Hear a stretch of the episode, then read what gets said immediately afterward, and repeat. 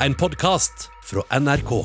Julie har bedt Etikketaten om råd. Hun går nemlig inn i ferien med høye skuldre. For når hun kommer hjem i påska, så forventer omtrent alle greinene på slektstreet besøk. Men sjøl så har hun mest lyst til å slappe av. Hun ber om hjelp til å finne balansen mellom sine egne og andre sine forventninger. Og så skal panelet få diskutere ei lov som sier at en på helligdager ikke skal forstyrre naboen med støy.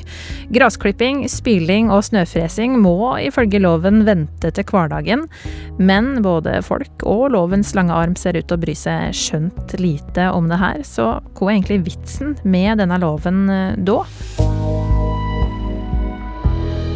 Heldigvis så har vi med ei som er med på å bestemme lovene i landet vårt, og som trulig er mer opptatt av den kristne arven enn de fleste på tinget, nemlig Olaug Bollestad, sjølveste KrF-lederen, men også sykepleier, ikke sant? Mm. Når var du eh, sist sykepleier ute i jobb?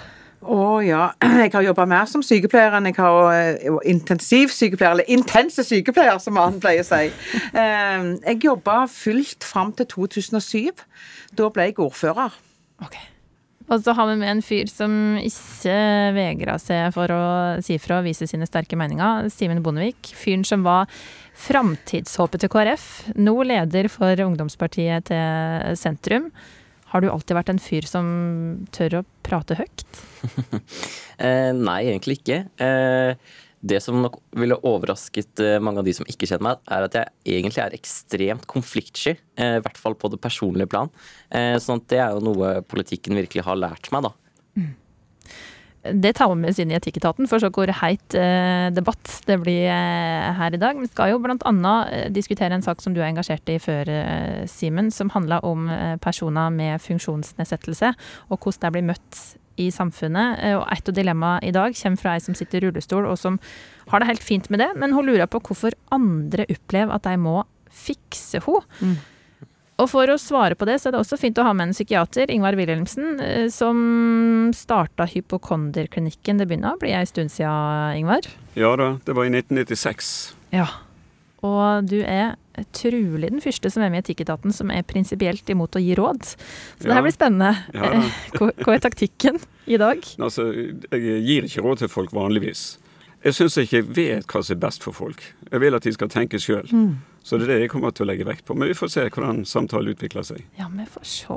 Uh, før vi går i gang med dilemmaet, så uh, bruker vi i Etikketaten å gå rett inn i det innerste hjå dere i panelet og spørre hva de tror på. Uh, og i dag, for første gang, tror det er premiere på en gjeng der alle har kristen bakgrunn.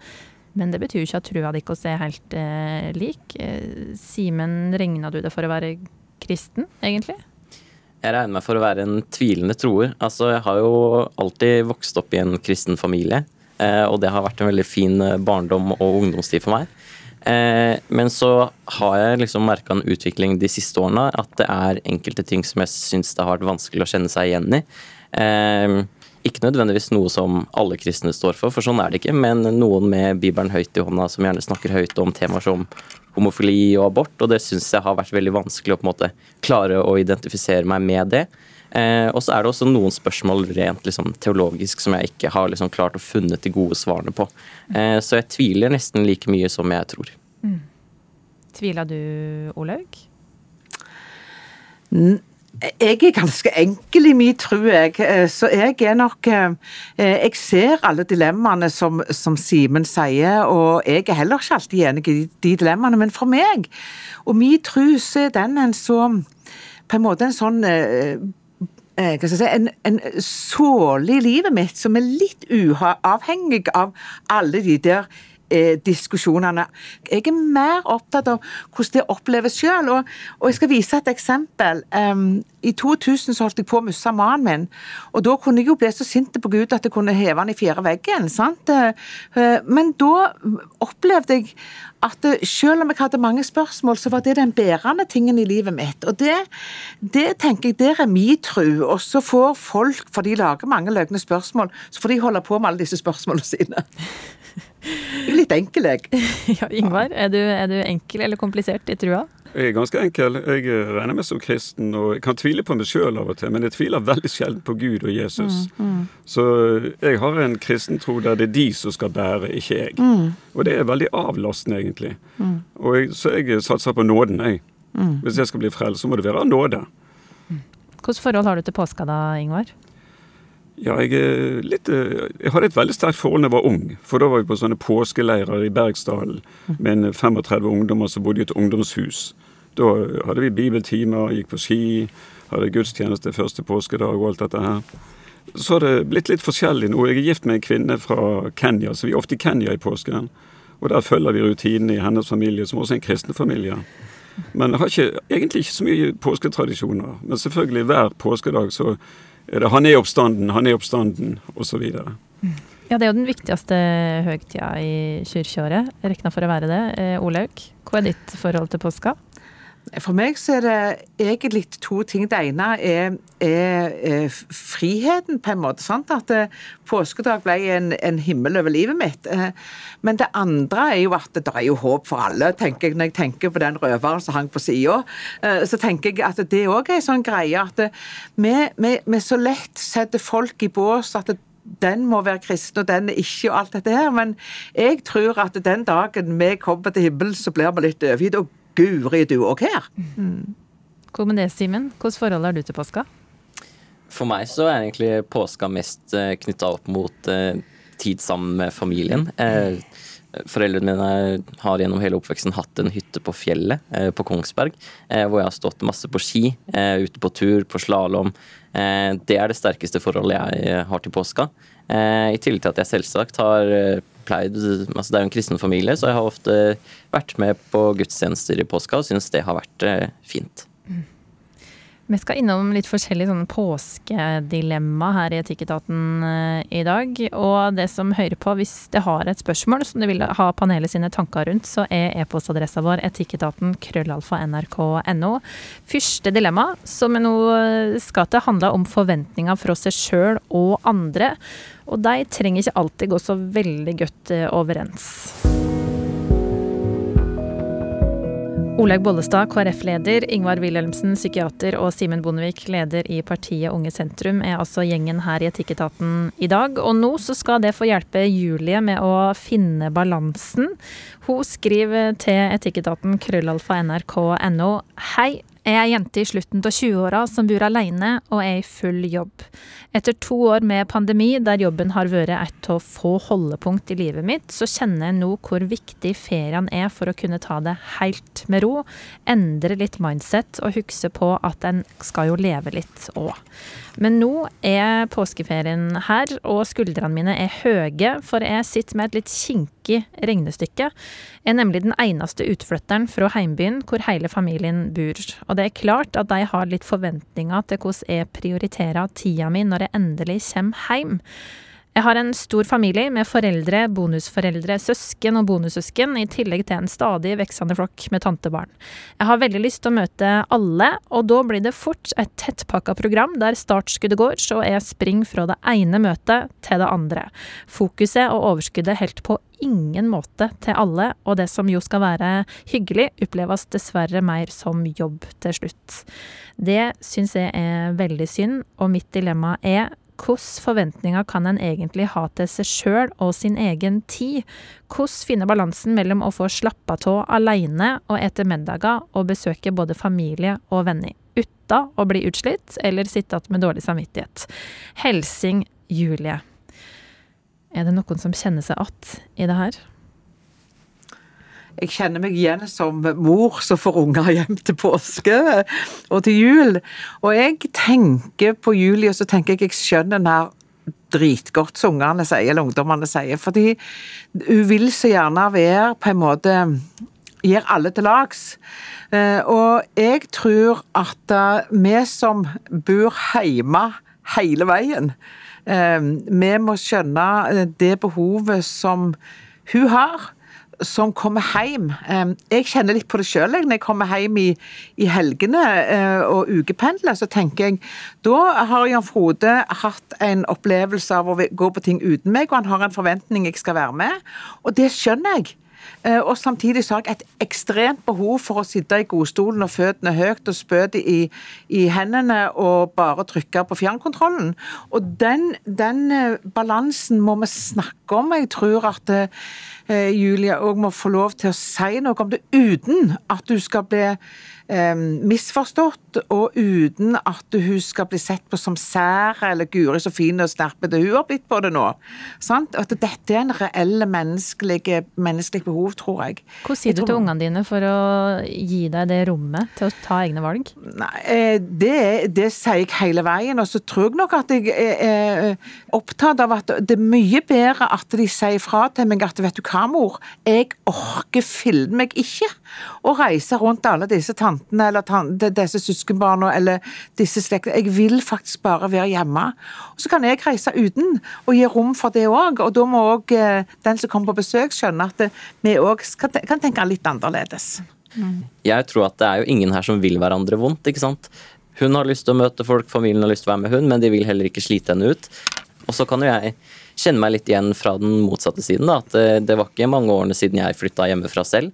Eh? Og når man er hjemme med familien sin, så etablerer man på en måte en normal. Da er man jo med de hele tida. Mm.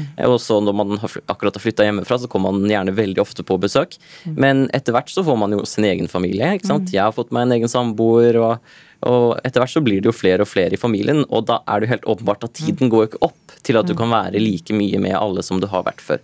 Men jeg tror veldig mye ville løst seg hvis man setter seg ned og snakker sammen, da. Det er jeg veldig fan av.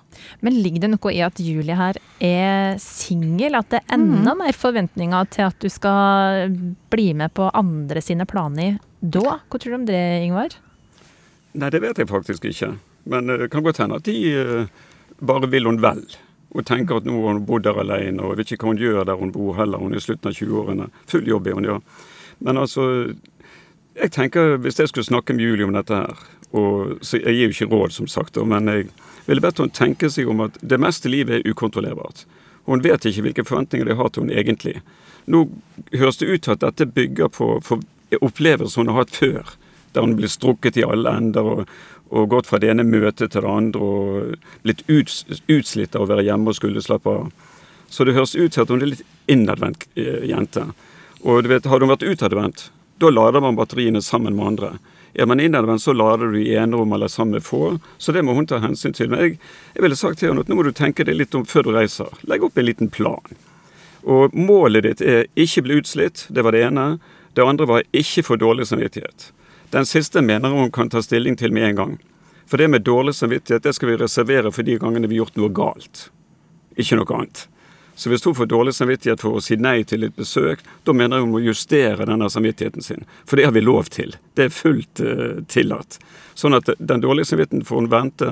Hvis du gjør noe virkelig kvalifisert galt i den påsken, så får hun be om tilgivelse. Men den legger vi til side, den dårlige samvittigheten. Uansett hva hun velger, hvem hun vil være sammen med eller ikke sammen med. Og da er det dette med å bli utslitt som står igjen. Målet er ikke å bli utslitt.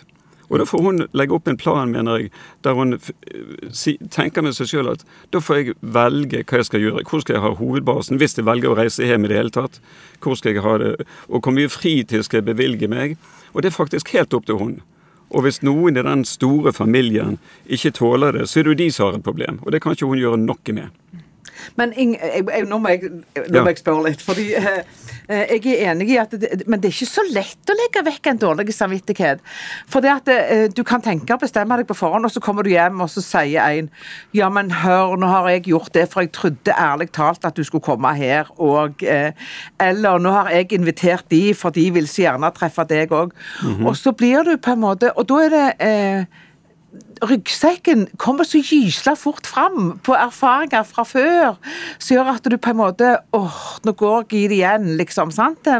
Så ehm, eh, jeg kjenner meg igjen at jeg, jeg, jeg kan lett bestemme meg, og så for fredens skyld så gjør du det, og, sant? og så er du egentlig helt eh, du, du, du, skal, du, skal, jobbe ganske iherdig mm. og ha noen alliansepartnere, tenker jeg, for å på en måte klare å overvinne den dårlige samvittigheten. Og Da må du gjerne bygge deg noen alliansepartnere på forhånd, eh, sånn at du har noen som bekrefter at det er helt greit, hun orker ikke denne gangen. Det syns jeg er helt greit.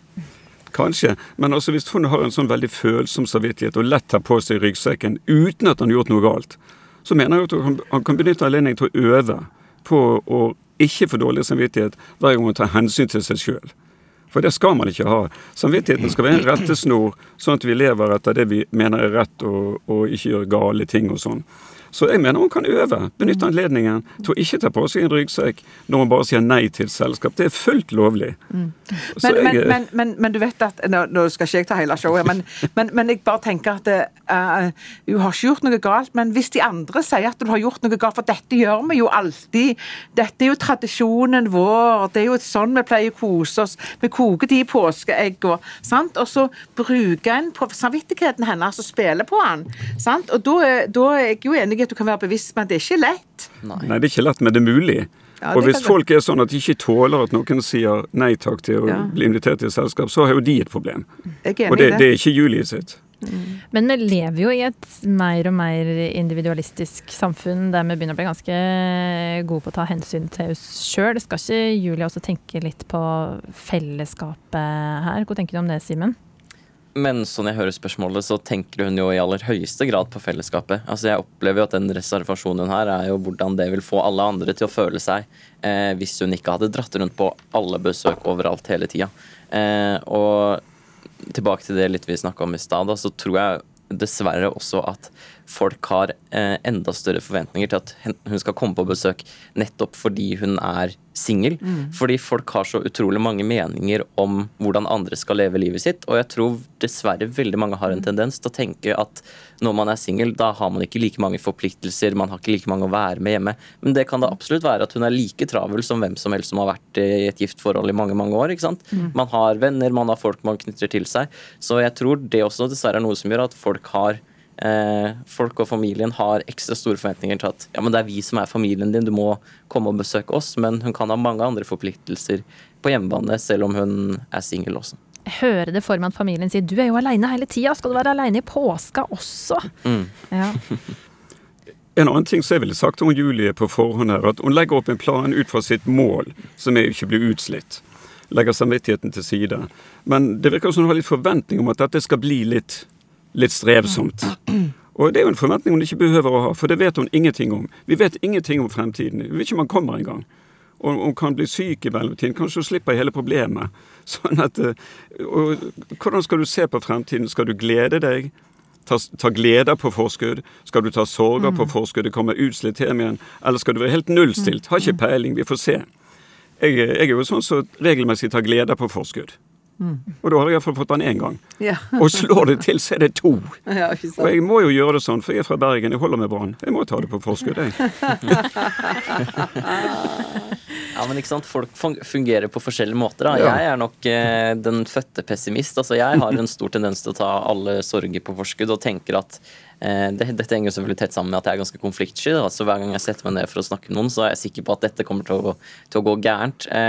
Og min erfaring er jo ofte at hvis jeg forventer det verste, så blir jeg stort sett alltid positivt overraska. Sånn det er også en god følelse som jeg får dratt eh, ut av det å være pessimist. Da. jeg er jo mer sånn at vi får ta det så det kommer. Vi vet alltid det kommer, kan komme noe uventet. Men, men, men, jeg er mest opptatt av at de som kommer hjem, eh, skal få lov til å være med å lage sine egne premisser på en sånn en måte at vi som bor hjemme hele veien, ikke legger reiserute for det hjemme. Men hvis Julie ikke opplever sin familie like raus som det, da, hva kan hun si til deg som hun er redd for å skuffe, når hun bestemmer seg for at nei, det blir ikke besøk på det denne eh, påska? Har det noen eh, setninger til Julie? Jeg tror det å trygge, trygge familien som hun ikke besøker, eh, på at jeg liker veldig godt å være på eh, besøk hos dere. Eh, det er en fin ting i livet mitt, så det er ikke det det står på, men det står rett og slett på at tida ikke rekker til. Å ta alle de Gjøre alle de avklaringene, sånn at man unngår de potensielle konfliktene, da. Hvordan ser det for dere påska til Julie nå da, Olaug? Blir det alenetid, eller skal prøve å rekke litt av begge deler? Hun skriver vel at, og sier at hun har jo litt lyst til å ta noen andre prioriteringer og trenger litt alenetid, men hun, hun trenger òg å, å, holde kontakt med venner. og det og det tenker jeg kanskje vi glemmer litt. eh, Fordi at eh, når du har flytta ut, eh, og så er det kanskje bare noen få av vennene du, du, eh, du har kontakt med, og de er ekstremt viktige. Både eh, når du er i et parforhold, men òg når du er alene.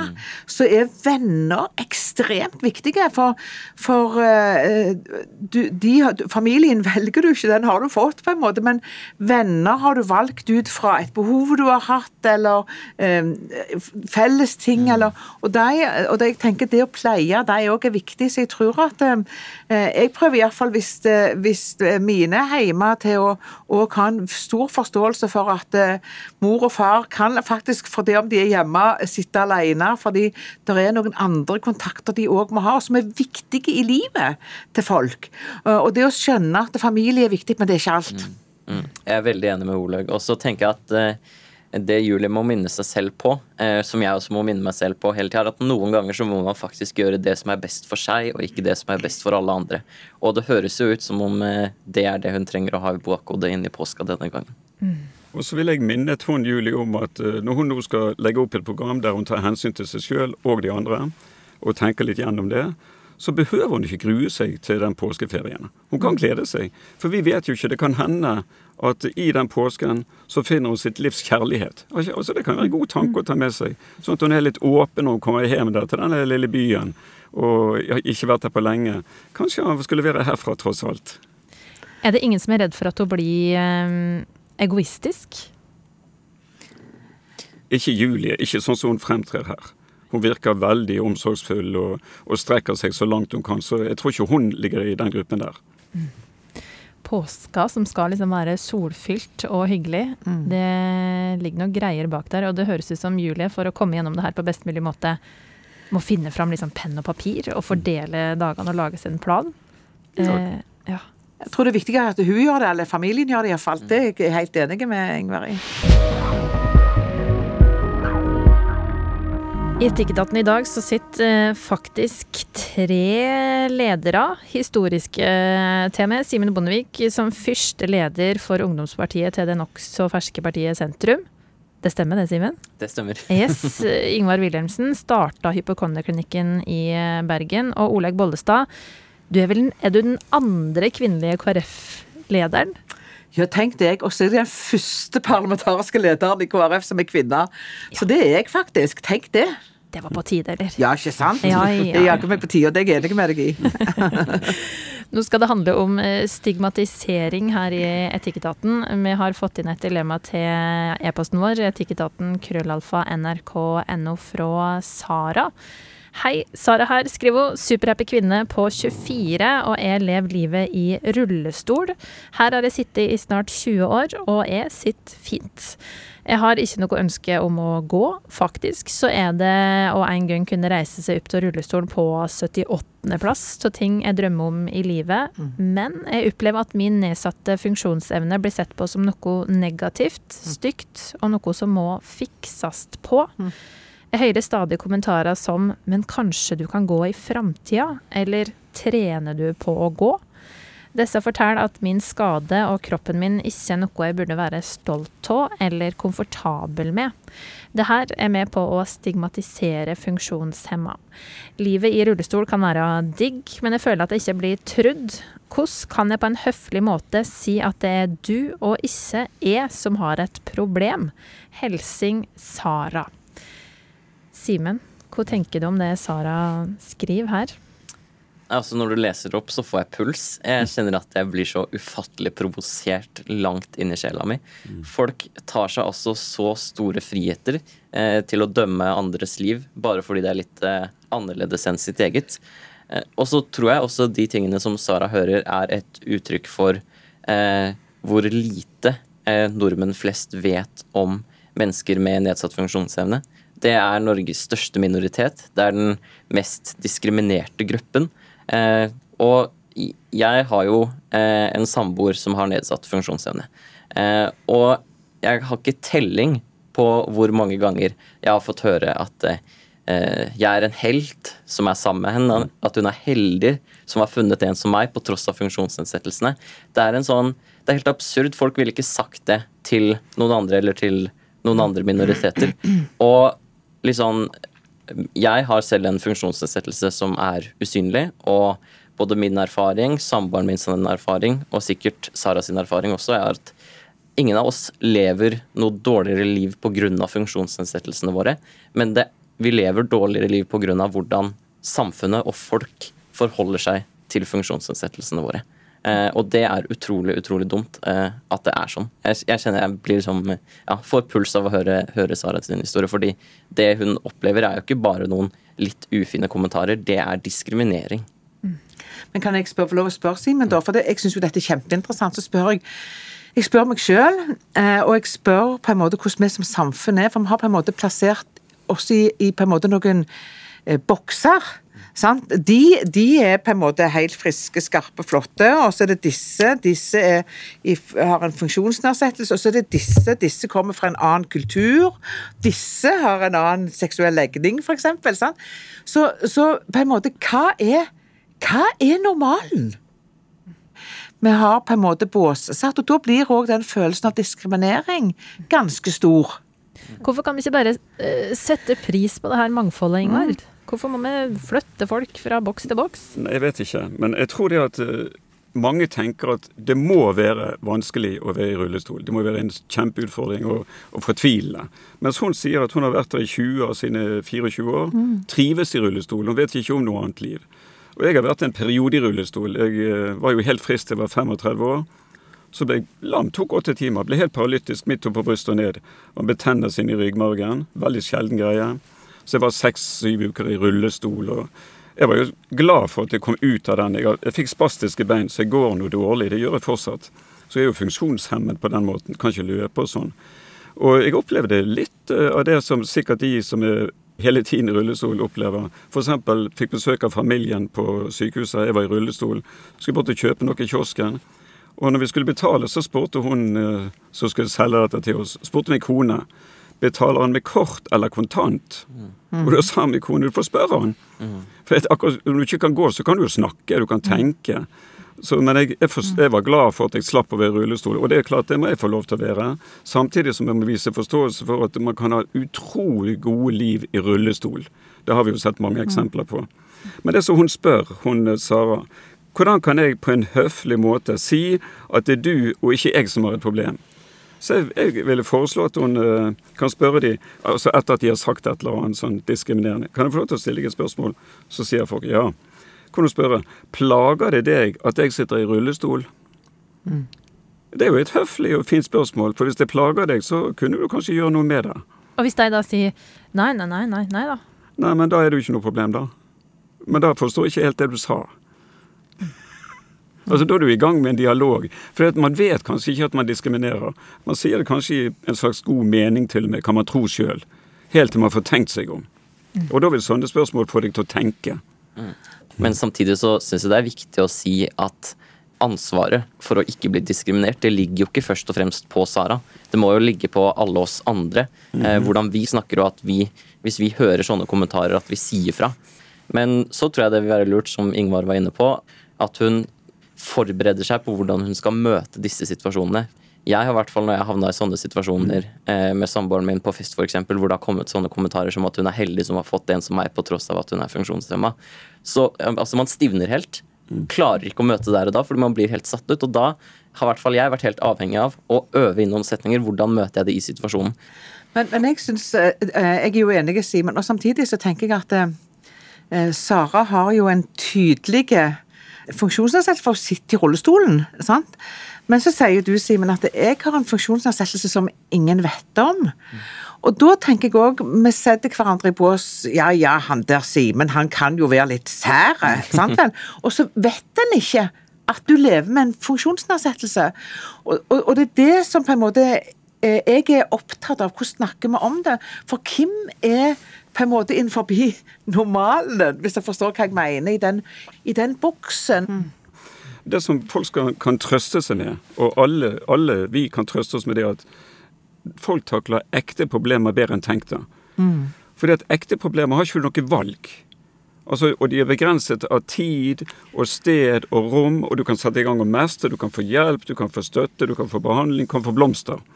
Men det vi ikke trenger, det er tenkte problemer i tillegg. For det, og de, Der er det jo ingen grense. Da er det bare vår fantasi som setter grenser. Og, den, og så kommer du ikke i gang med mestring, for det er bare en tanke.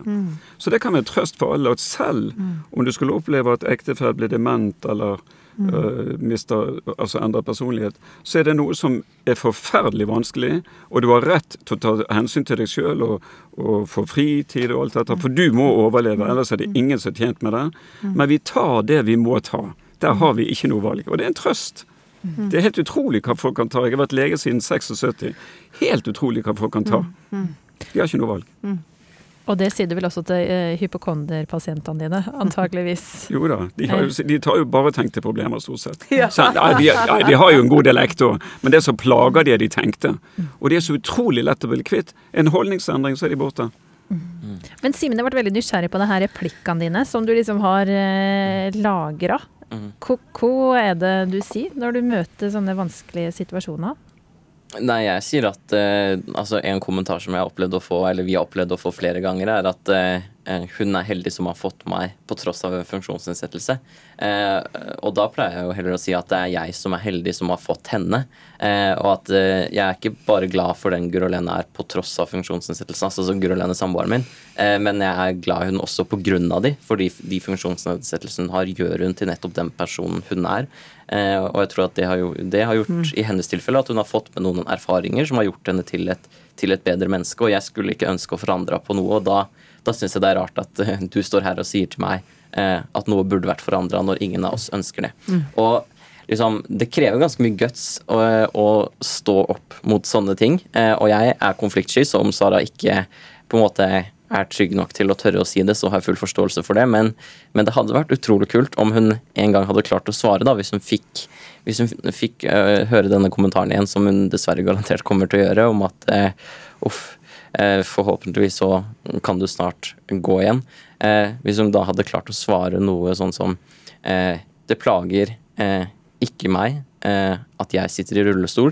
Den eneste det ser ut til å plage, er deg. Og jeg lever ikke et dårligere liv fordi jeg sitter i rullestol, jeg lever et dårligere liv pga. hvordan du forholder deg til den funksjonsnedsettelsen jeg har. Det er ganske tøft å si, men hvis hun klarer det, så tror jeg det ville vært en ordentlig wake-up call for den som sa noe sånt, som, som, mest sannsynlig ikke gjør det for å være slem, men gjør det fordi vedkommende ikke vet nok om diskriminering i samfunnet vårt. Du eller hun kan jo også si til dem, eller spørre dem, vet du hvordan det er å leve sammen med han? Mm. har du full oversikt? For at alle har sitt. Enten du kan se det eller ikke se det. det jo, I alle ekteskap så blir det konflikter innimellom. Og det er fordi ingen er perfekt. Men vi har forskjellige ting vi sliter med. Og, så hun vet jo ting om deg som sikkert de som mm. spør, ikke er klar over, og som kan være en utfordring for dere. Men hun spør hvordan hun kan si fra på en høflig måte. Skal hun være høflig når det her kommentarene kommer? Simen, er du høflig, eller er du litt skarp når du sier fra? Altså, jeg har jo veldig tro på dialog og det å være høflig, og det er en veldig fin og viktig ting. Eh, men jeg tror dette er en, dessverre en så gjennomgående holdning i samfunnet vårt. Altså det at folk ser ned på personer med en funksjonsnedsettelse. Eh, og for å få slutt på andre former for diskriminering, i hvert fall begynne å jobbe mot det, så har man vært helt avhengig av at folk snakker litt med utestemme. Eh, og det tror jeg vi trenger her også. Eh, I kampen for funksjonshemmedes rettigheter. Og da syns jeg faktisk at hvis hun er komfortabel med det, så er det lov å og rope litt høyt. Men, men, jeg tenker barn og unge kanskje tar det litt annerledes enn oss som har mye å lære av dem. Og jeg skal ta et lite eksempel. men jeg, jeg, var på leir og var leder på leir for 100 unger. Og der var det ei jente med en protese. Og så skulle disse ungdommene, eller de var en sånn 12-14 år, de skulle gjøre oss et lite mm, pek, da. Så de, de stakk av. Eh, og så kom vi rundt på rommet, og der sto protesen uten jenta. Uh, Hvor fuglene er det blitt av? Til og med hun var vekke. Sant? Eh, og det, De så jo ikke problemet. Klart hun skulle være med å stikke av. Selvfølgelig skulle hun være med å stikke av, og hun for av gårde på krykkene. Og de syntes jo de så det morsomme i at protesen sto igjen. Hva sier de nå? Uh, protesen uten sant? Og det Jeg tenker de tinga de, de, de møter det og ser ikke utfordringen med protesen. De så jenta, og hun var en del av gjengen.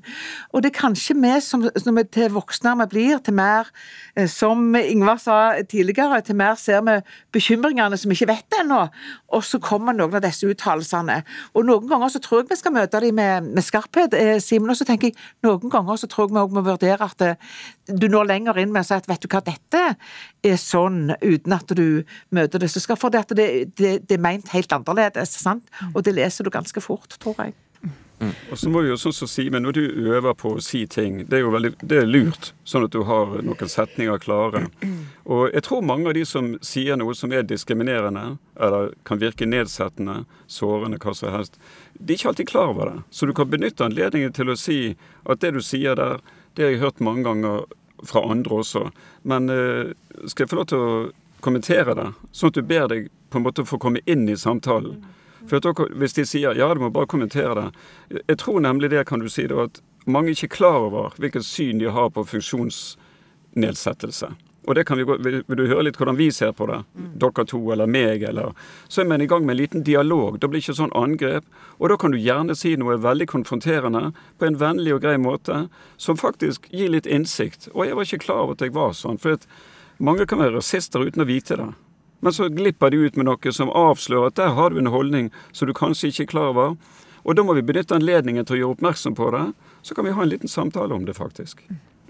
Men jeg må spørre dere om en ting, siden vi har tre personer med kristen bakgrunn her. Fordi i Bibelen, i tre av evangelia, så står det en fortelling om den lamme mannen eh, som Jesus møter. Det skjer et under, og mannen reiser seg og går. Og den fortellinga her eh, viser jo at Jesus kunne utføre liksom, under på jorda. Men hvor skal vi dra ut av den fortellinga her, eh, Ingvar? Viser ikke det her akkurat den holdninga som, eh, som Sara her møter, og som hun vil bort fra? Det tror jeg ikke. For han lamme mannen i Bibelen, han ville, han ville ikke være lam.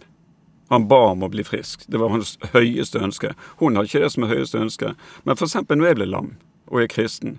Jeg tilkalte en kamerat som er prest, fikk han til å salve meg. Og jeg eh, hadde vært gøy om jeg bare ble frisk der og da, men det ble jeg ikke. Men da syns jeg da hadde jeg gjort mitt. For vi kan ikke styre Gud. Det er utrolig mange som er blitt bedt for og trodd enormt sterkt, som ikke er blitt helbredet. Og så skjer det av og til helbredelser. Jeg tror vi skal overlate det der helt til Gud. Og så skal ikke vi presse oss på folk som er blind eller lam eller hva det nå er for noe. Eller har psykiske problemer. Bare la Gud ordne det, du. Jeg tror ikke det funker på den måten. Men. Jeg, jeg, jeg, er jo sånn skrudd sammen at vi skal ikke Altså, I kristen sammenheng så tror jeg det er kjempeviktig å være vare på um, at vi ikke går over streker i møte med dette. Uh, og Det har jeg vært opptatt av som sykepleier. sant? Altså, Det er folk som har ligget livredde i senga, og, og, jeg har sagt uh, hvis du vil, så kan jeg legge meg på sida av deg oppå dyna, men da må det være du som vil, og så kan jeg holde rundt deg. Og Sånn kan òg bønn for noen være, at det er på dine premisser jeg vil, men da er det du som ber om det, og ikke omvendt.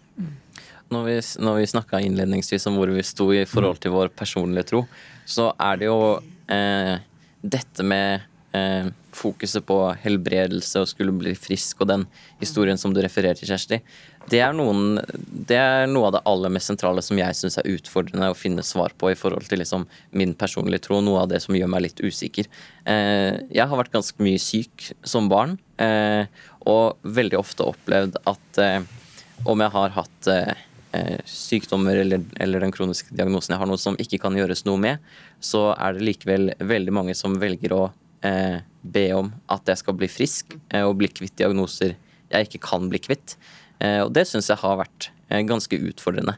Eh, og jeg har, har, nok opplevd en del at det er ikke et ønske om at det, det, fremstår i hvert fall ikke som et ønske om at jeg skal leve det beste livet jeg kan med det utgangspunktet jeg har, men et ønske om at jeg skal bli frisk og helbreda til en person jeg ikke er. Og det syns jeg har vært veldig veldig vanskelig, og er noe av det som har gjort meg litt usikker på, på troen min i dag. Mm. Sara, som uh, møter nedsettende kommentarer om det å sitte i rullestol, um, høres ut som hun kan utrette mye godt.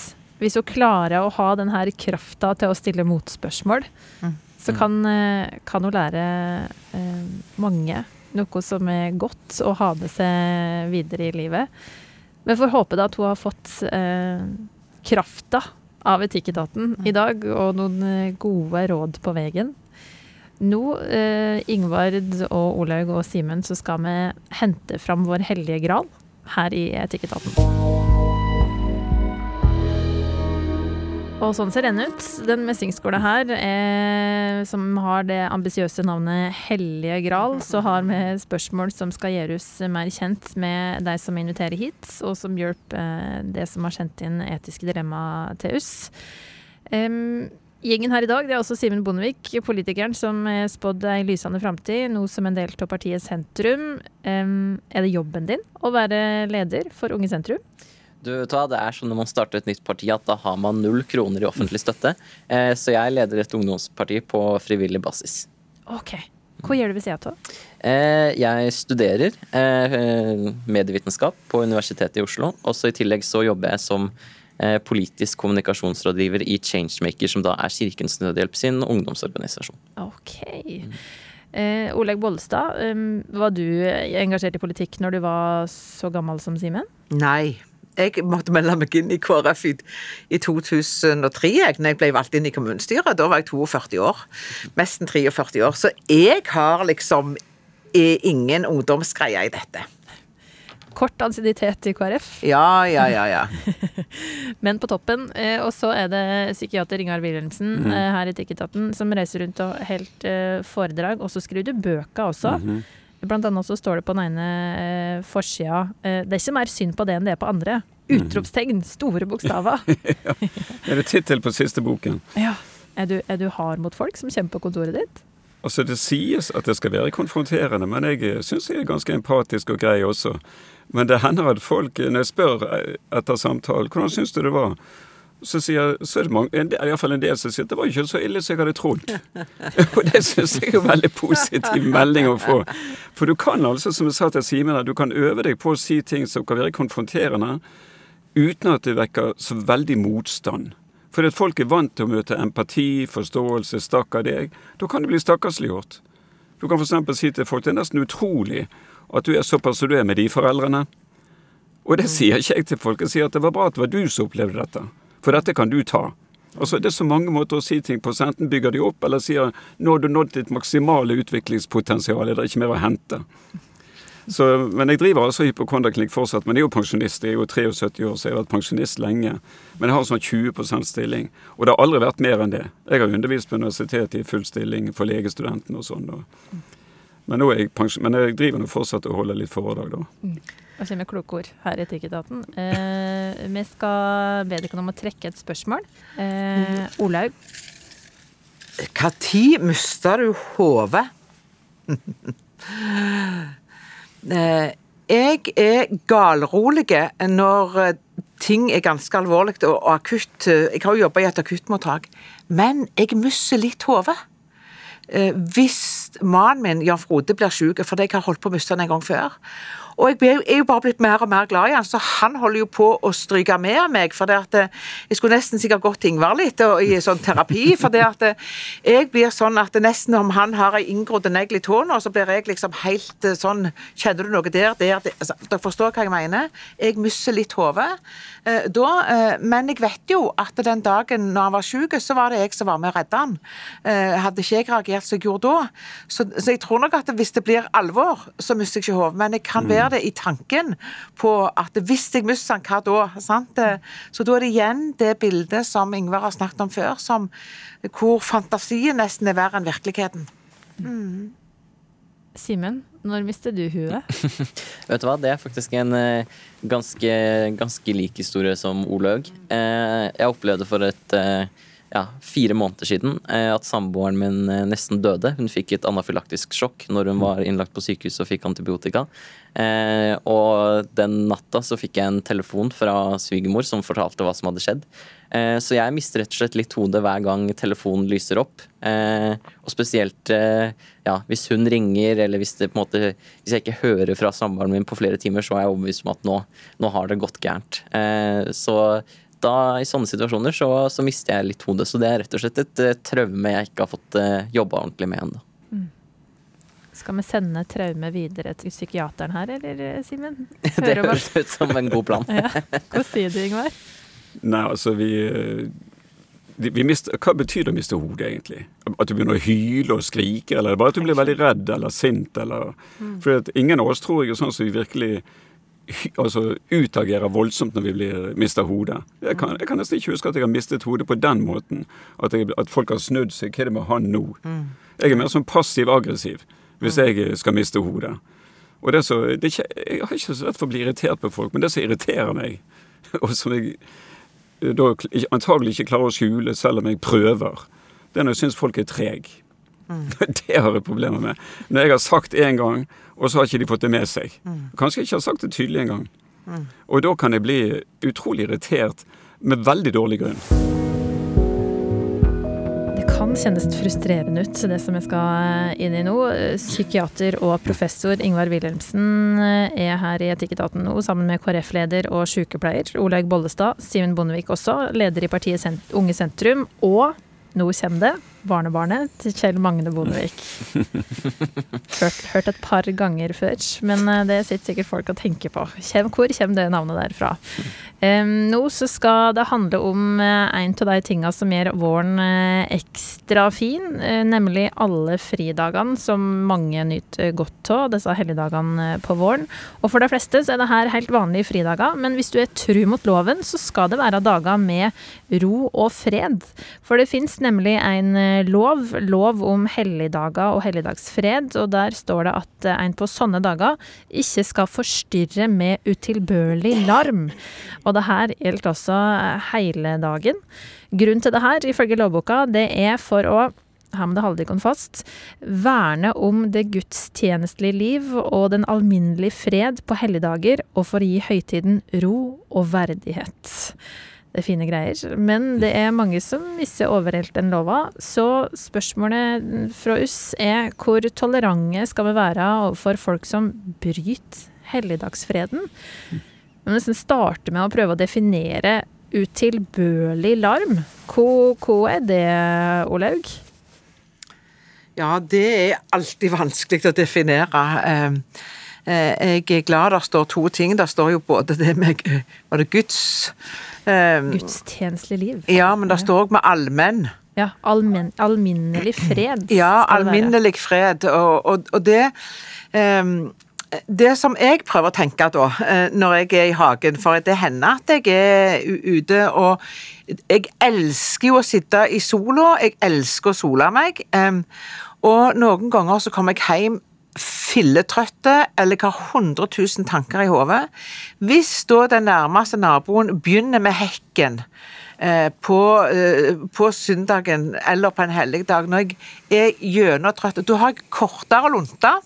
Eh, enn hvis jeg eh, eh, har liksom Nå har jeg tatt det og tatt det. Jeg skjønner naboen òg slår plenen. Og da er jo så, forstår dere hva jeg mener? Det er, det er avhengig av hvor jeg er henne, hvor, eh, hvor larmen blir eh, vanskelig. Så, så for meg er det sånn at jeg prøver å sette meg inn i at jeg aner ikke nå hvordan naboene egentlig rundt har det. Og det gjør at jeg prøver på helligdager eh, og ikke minst det vi kaller for kirketida på Vestlandet, da, det, eh, å, å respektere det. Litt fordi at jeg tenker Én ting er at jeg tror vi har godt av ro og fred, men det andre er faktisk òg at jeg vet ikke hvor naboen er hen. Jeg trenger ikke legge stein til børa hvis de har sett seg ut eh, for å rydde i hovene sine, og så kommer jeg durende med enten hekksaksa eller eh, Nå har jeg jo en sånn Carl I. Hagen, som jeg kaller han for plenklipperen, så han går uten lyd ennå. Men, men, eh, men det, du forstår, det er masse lyd. Da kjenner jeg at det kan jeg vente med så langt jeg kan, fordi at eh, jeg vet ikke hvordan naboen har det. Jeg prøver å ta hensyn. Men Olaug, hvis naboen begynner med hekken og lager lyd, og du sitter der, er du sånn som gir beskjed? For jeg er ikke det. Nei, jeg kan jeg irritere ikke- meg uten å gi beskjed. Ikke, eh, nei, vet du hva, og jeg, eh, jeg er nok um, Det har med oppveksten min å gjøre. Jeg er opp, vokst opp med å vurdere og så tid jeg stilt. Altså, jeg vokste opp med ei, mor som var syk, og det gjorde jo at jeg var, jeg var supergod på å vurdere situasjonen. Hvor er stemningen i dag? Eh, og så måtte jeg innrette meg deretter. Eh, og der er jeg nok nå òg, at jeg eh, jeg innretter meg deretter, og så snur jeg meg og setter meg gjerne litt på andre sida av huset, eller, eller sånt. Men jeg, eh, kanskje jeg skulle sagt det fra på en fin måte at vet du hva, i dag har jeg skikkelig hodeverk, eller da, ikke fordi jeg har gått på fylla, men fordi at jeg rett og slett har det. Jeg hadde, jeg hadde satt pris på, men det gjør jeg ikke. Um, og det er kanskje dumt av min, for min del. Mm. Men det er jo sånn som jeg har veldig forståelse med, da, at det er ikke alltid så enkelt at det bare er å gå, gå bort og si fra. Altså, altså jeg sitter her og er ganske trøtt, for nå har jeg hatt eh, relativt mange mange netter uten søvn fordi det er en eller annen et eller annet sted i blokka mi som spiller høy musikk hver eneste natt.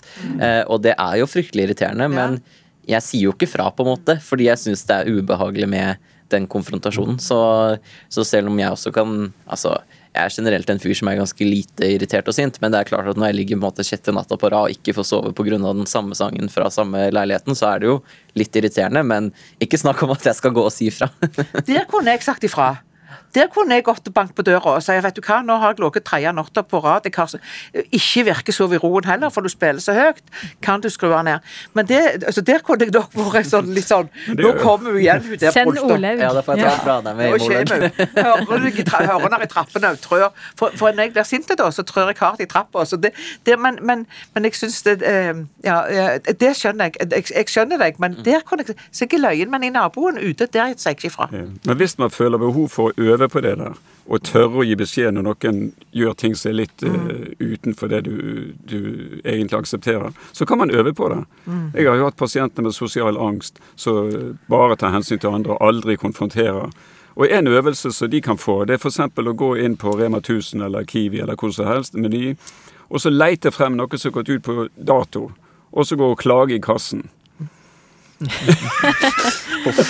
Det er liksom nivå én Ja, det er nivå én. Ja. Det er trappa. Det er en liten øvelse. Ja, ja. Og, også, eh, politiet forteller jo at eh, det er en del som ringer til deg på helligdager og sier fra om at noen bryter helligdagsfreden, og da blir en faktisk oppfordra til å si fra sjøl. Og hvis ikke, så kan politiet ringe til den det gjelder og si hei, du, den hekkesaksa der, den må du nesten skru av. 3000 kroner kan det koste det, eh, ifølge avisa Østlendingen, å klippe gresset, f.eks. Um, så det går an å komme med en sånn eh, trussel også, hvis du er sånn i den andre enden av konfliktskyhetsskalaen. Men, eh, men eh, Simen, har du respekt for loven om helligdagsfred, eller er det en dag som alle andre? Nei, altså, Jeg tror først og fremst at naboene mine er ganske fornøyd med meg, fordi jeg er generelt veldig stille. Eh, men om jeg er noe mer stille på helligdagen enn ellers, det er jeg ikke helt sikker på. Altså, Jeg er veldig glad for at vi har noen dager som er litt annerledes enn andre i samfunnet vårt. Det tror jeg er kjempebra. Jeg er glad for at vi har helligdager, jeg er glad for at vi ikke har søndagsåpne butikker. Det tror jeg er, er ting som er veldig, veldig bra. Eh, men om jeg eh, er spesielt god på å overholde helligdagsfreden alltid, det vet jeg ikke. Jeg kunne nok fort ha gått ut eh, og klippa gresset hvis jeg følte for det. Ikke at jeg har noe gress i, eller plen i leiligheten jeg bor i nå, men, men ja, jeg er en ganske stille nabo, men ikke nødvendigvis noe mer på helligdager enn andre, selv om jeg helt sikkert burde vært det. Hvorfor skal det være så stille på helligdager, Ingvar? Nei, altså hvorfor? Jeg syns det er fint, jeg. At det er litt stille, og at man tar hensyn til hverandre på den dag, søndagen. Og jeg tar litt hensyn til det sjøl. Det er visse ting jeg ikke ville gjort på en uh, søndag, som jeg godt kan gjøre på en lørdag og alle andre dager. Sånn at jeg, jeg tror vi har behov for eh, litt eh, restitusjon, litt hvile, litt fred. Litt, eh, og at vi får gjort andre ting på søndag enn vi gjør til vanlig. Det gjør jo de fleste av oss. Jeg iallfall. Det er litt annen rytme på en søndag enn på en hverdag. Og det har vi veldig godt av, tror jeg, alle sammen. Så, og så tar vi hensyn selvfølgelig til omstendigheter. Hvis det har snødd en meter snø natt til søndag, så aksepterer vi at freseren går, sånn at man kommer seg ut. Så du kan gå i kirken, f.eks. Sånn at eh, vi, vi Men jeg syns det er fint, jeg. Veldig bra at vi har en sånn eh, dag. Men, men også samtidig så, så, sa jo jeg at jeg hadde vanskelig for å si ifra. For det at det, eh, det er andre ting som er, er, gjerne ikke er plenklipperen eller hekkasak. Men du kan jo tenke deg at jeg hadde fire, har hatt fire unger som har vokst opp, og vi har hatt et forbruk av trampoliner eh, og fotballmål i hagen. Og, og det er klart at, det, at når 17 gutter på samme alderstrinn bor oppå det byggefeltet, og alle skal spille et eller annet i hagen din, så, så vil jo det være lyd. Sant? Eh, og da stiller jeg meg foran disse ungene og tenker ja, nei, de må jo få leke, skjære deg. Og det å oppleve at noen da reagerer på høy lyd, så, så alt er jo relativt. Så derfor så tenker jeg det er for meg er det sånn eh, kass, eh, eh, jeg, Som sagt, jeg syns det er vanskelig å si fra, men hvis, hvis noen kommer da, da stiller jeg meg foran.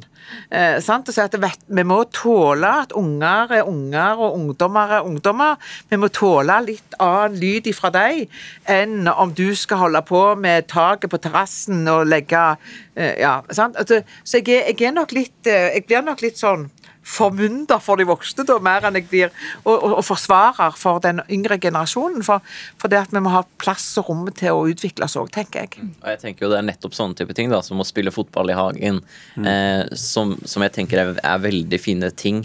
Eh, altså når jeg sier jeg er glad for at vi ikke har søndagsåpne butikker, så er det jo liksom fordi da har vi noen dager hvor ting er liksom annerledes enn det der stressamfunnet vi lever i. Veldig sånn der alt skal skje hele tida så fort. Man må liksom man må opp på jobb eh, klokka åtte, og så må man hjem, og da skal man drive med en aktivitet frem til man legger seg. og så liksom, Det er så utrolig sånn prestasjons- og stressamfunn hvor bare alt går i ett kjør. Og det å bare ha noen dager hvor man kan gjøre helt andre ting. Noen slapper best av ved å ligge på sofaen og se på TV, andre kobler best ut av å spille fotball med venner. Og, og den type ting tenker jeg det i hvert fall må være rom for på, på søndager og, og helligdager. Mm. Da um, veit vi at hvis du er naboen til den gjengen her, uh, så kan du bråke i vei. Ingen fare for at du får noen uh, reprimande. Men litt irritasjon i sofaen høres det ut som det kan uh, bli. Olaug Bollestad, Ingvar Wilhelmsen og Simen Bondevik, takk for at jeg kom hit til Tikketaten i dag, og takk for tankene deres. Hvis du som hører på har eh, noen spørsmål som du vil sende inn til oss, så er e-posten etikketaten krøllalfa nrk.no. Det kan være både store og små floker i livet. Jeg heter Kjersti Anderdal Bakken, og vi Høyrest. Du har hørt en podkast fra NRK. Hør flere podkaster og din favorittkanal i appen NRK Radio.